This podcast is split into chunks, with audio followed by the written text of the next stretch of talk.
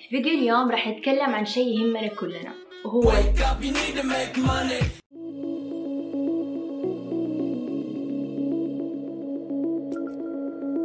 أهلا بكم في فيديو جديد. في فيديو اليوم راح أتكلم عن كتاب الأب الغني والأب الفقير. ممكن تكونوا سمعتوا عن الكتاب أو شفتوه في قائمة الكتب الأكثر مبيعاً. الكتاب بيتكلم فيه الكاتب عن قصته من لما كان صغير وكيف كان بيتعلم عن الأمور المالية لأنه كان يبغى يصير شخص ثري.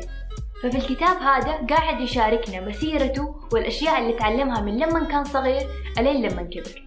الكتاب فيه معلومات جدا كثيرة وغنية لكن في فيديو اليوم راح نستعرض أهم 8 دروس من الكتاب. الدرس الأول وكان بيعلمنا فيه الكاتب الفرق بين الأصول والمسؤوليات. بكل بساطة إيش الفرق بينهم؟ الأصول هي اللي تدخل جيبنا فلوس. أما المسؤوليات هي اللي تاخذ الفلوس هذه. طيب إيش في أمثلة للأصول؟ مثلا شخص يكون عنده عمارة فيأجرها وياخذ فلوس. أو يكون مسوي website بيبيع فيه خدمة أو منتج وبياخذ فلوس. أما من أمثلة المسؤوليات ممكن تكون عبارة عن فواتير أو أقساط لشيء إحنا اقتنيناه. طيب إيش الدرس اللي بيعطينا هو الكاتب في هذه النقطة؟ بيقول لنا إنه الأثرياء هم اللي يشتروا الأصول. أما الناس اللي في الطبقة المتوسطة هم يشتروا أشياء يحسبوا إنها أصول. ومن هذه الأمثلة كان بيعطي مثال لشخصين متزوجين حديثا. نفترض إنه هم أشخاص بيفكروا ماليا وبيحاولوا يخططوا لمستقبلهم. فكانوا يخططوا مثلا لدراسة الطفل ده لما يكبر وإيش راح يكونوا له. وفي نفس الوقت كانوا مسوين خطة إدخارية عشان يشتروا بيتهم الأول. فالكاتب كان بيقول لنا هنا إنه ممكن ما تكون أفضل فكرة إنه الشخص يعمل كده. مو أول فلوس يحوشها إنه يحطها في بيت لأن البيت ما هو أصل. لأنه بافتراض إنهم اشتروا البيت وحطوا فيه المبلغ الكبير اللي ادخروه في مدة طويلة ما راح يكون البيت مصدر دخل ليهم. لكن إذا أخذوا هذه الأموال وحطوها في استثمار راح تفيدهم على المدى الطويل. وبالأرباح راح يقدروا يشتروا البيت والثاني والثالث كمان. والدرس الثاني بيقول إنه المشاعر هي سبب وجود المال أو عدم وجوده. وأهم شعورين بتتحكم في أمورنا المالية هي الخوف والجشع. لأنها بتخلينا قاعدين ندور في دائرة واحدة اللي هي إيش؟ الشخص يكون خايف. وحاسس بعدم أمان مالي. ممكن يشتغل دوامين في نفس الوقت عشان يحقق هذه الأموال. لكن بعد ما يحقق هذه الأموال يلقى نفسه بيصرفها بجشع. وعشان هو بيصرفها بطريقة غير محسوبة راح تخلص الفلوس ويرجع يخاف مرة تانية ويشتغل مرة تانية ويرجع للجشع بعد ما يكون عنده مبلغ كبير ويقعد يستمر في هذه الدائرة. وكمان من المشاعر اللي تتحكم بأمورنا المالية هي إننا نشتري أشياء مو فعلا نكون نحبها بس عشان نظهر بهذه الطريقة قدام الناس. مثلا شخص ما يكون مهتم بالسيارات الرياضية لكن يشتريها عشان عارف إنه في مجتمعات معينة أو في دائرات معينة هي علامة إنه الشخص صار في مرحلة ثراء معينة. والدرس الثالث من الكتاب بيقول لنا إننا نشتغل عشان نتعلم مو بس عشان ناخد فلوس. لأنه أحيانا العائد المادي ما يكون أصلا كافي من الوظيفة بالذات لو كنا لسه دوبنا متخرجين.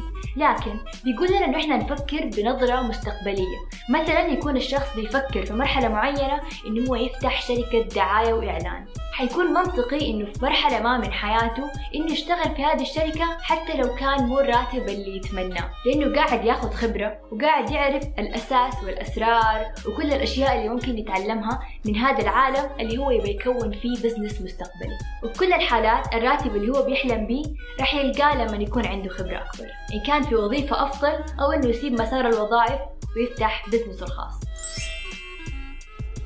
والدرس الرابع بيقول لنا إن الفقراء يشتغلوا عشان الفلوس. أما الأغنياء الفلوس هي اللي بتشتغل عشانهم. لكن كيف ده الشيء بيصير؟ في وقت معين من حياة بعض الأثرياء يكونوا بيشتغلوا بدون مقابل عشان يبنوا system أو نظام معين بعدين هو يشتغل لحاله ويجيب لهم فلوس. والنظام هذا ممكن يكون website يبيعوا فيه خدمة ومنتج أو ممكن تكون شركة أو إيش ما يكون. فعادي إنه في مرحلة ما من الحياة إنه الشخص يشتغل بدون مقابل إذا كان راسم خطة واضحة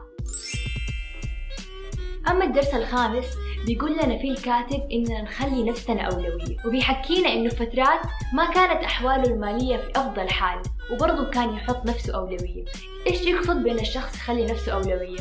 إنه مو أول ما يجيله دخله أو راتبه وإيش ما كان المصدر المالي حقه إنه يصرفه على كل حاجة إنه يعطي الأشخاص اللي هو مسؤول إنه هو يعطيهم إنه يدفع الفواتير يحط مبلغ للادخار لكن ما يفتكر نفسه بإنه يرضيها عشان تكون قادرة إن هي تشتغل الشهر الجاي.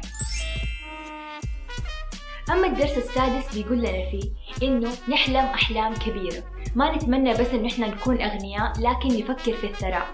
لأن الغنى كان بيمثلوا بمشاهير هوليوود. ممكن يعملوا فيلم ويجي لهم منه ملايين لكن مو الكل بيفكر إنه هو يستثمرها. ممكن يشتروا سيارات وقصور وما يفكروا في الاستثمار. فهذا الشيء اللي بيخلي كثير من الناس اللي يوصلوا للملايين إنه هم يرجعوا يفلسوا مرة تانية وكان بيقول كثير إنه سهل إنه الشخص يصير غني لكن من الصعب إنه هو يحافظ على هذه المرحلة ويضاعف أمواله ويفكر إنه يستثمر بالأصول والأرباح اللي راح تجي هي تكون للأشياء الكمالية والأشياء الرفاهية. في الدرس السابع بيقول لنا إننا نكون مثقفين ماليا. وكان يتساءل كثير الكاتب إنه ليش ما في ثقافة مالية في المدارس؟ وكان جوابه إنه المنظومة الدراسية بتهيئنا للعمل مو إن إحنا نصير مستثمرين. فلازم الشخص يدور مصادره الخاصة يتعلم من كتب من website يروح أماكن ويتعلم من التجربة ويكون خبرة عشان يكون شخص مثقف ماليا. لأنه حياتنا المستقبلية مترتبة على الأشياء اللي بنتعلمها الآن. ونحتاج الثقافة المالية عشان نعرف كيف المال بيتحرك في العالم. لأننا بدون دي المعرفة ما رح نعرف كيف نكون أموال وكيف نتعامل معها. ونحتاج الثقافة المالية عشان نحمي أموالنا بطريقة قانونية أما الدرس الأخير بيقول لنا فيه الكاتب إننا نعرف بالضبط إحنا ليش نبغى نصير أثرياء. ونقسم هذه الرغبة لأشياء إحنا عشانها نبغى نصير أغنياء وأشياء عشان ما تصير معانا مستقبلا نبغى نصير أغنياء. مثلا نقول إنه إحنا نبغى نصير أغنياء عشان نسافر كل العالم عشان يكون عندنا أمان مالي لما نكون كبار أو نبغى نصير أغنياء عشان ما تصير لنا مشاكل لما نكون خلاص كبار ومحتاجين أي أحد أو عشان نبغى نعيش حياة مريحة أو عشان ما نبغى نعيش حياة صعبة. فبدي الطريقة مخنا يفهم السبب للشيء اللي إحنا نبغاه ورح يكون سهل عليه إنه هو يحفزنا. وبكده خلصنا الفيديو اليوم أتمنى يكون عجبكم. ويكون بسيط وتقدروا تستفيدوا منه بطريقة عملية. ونشوفكم في الفيديو الجاي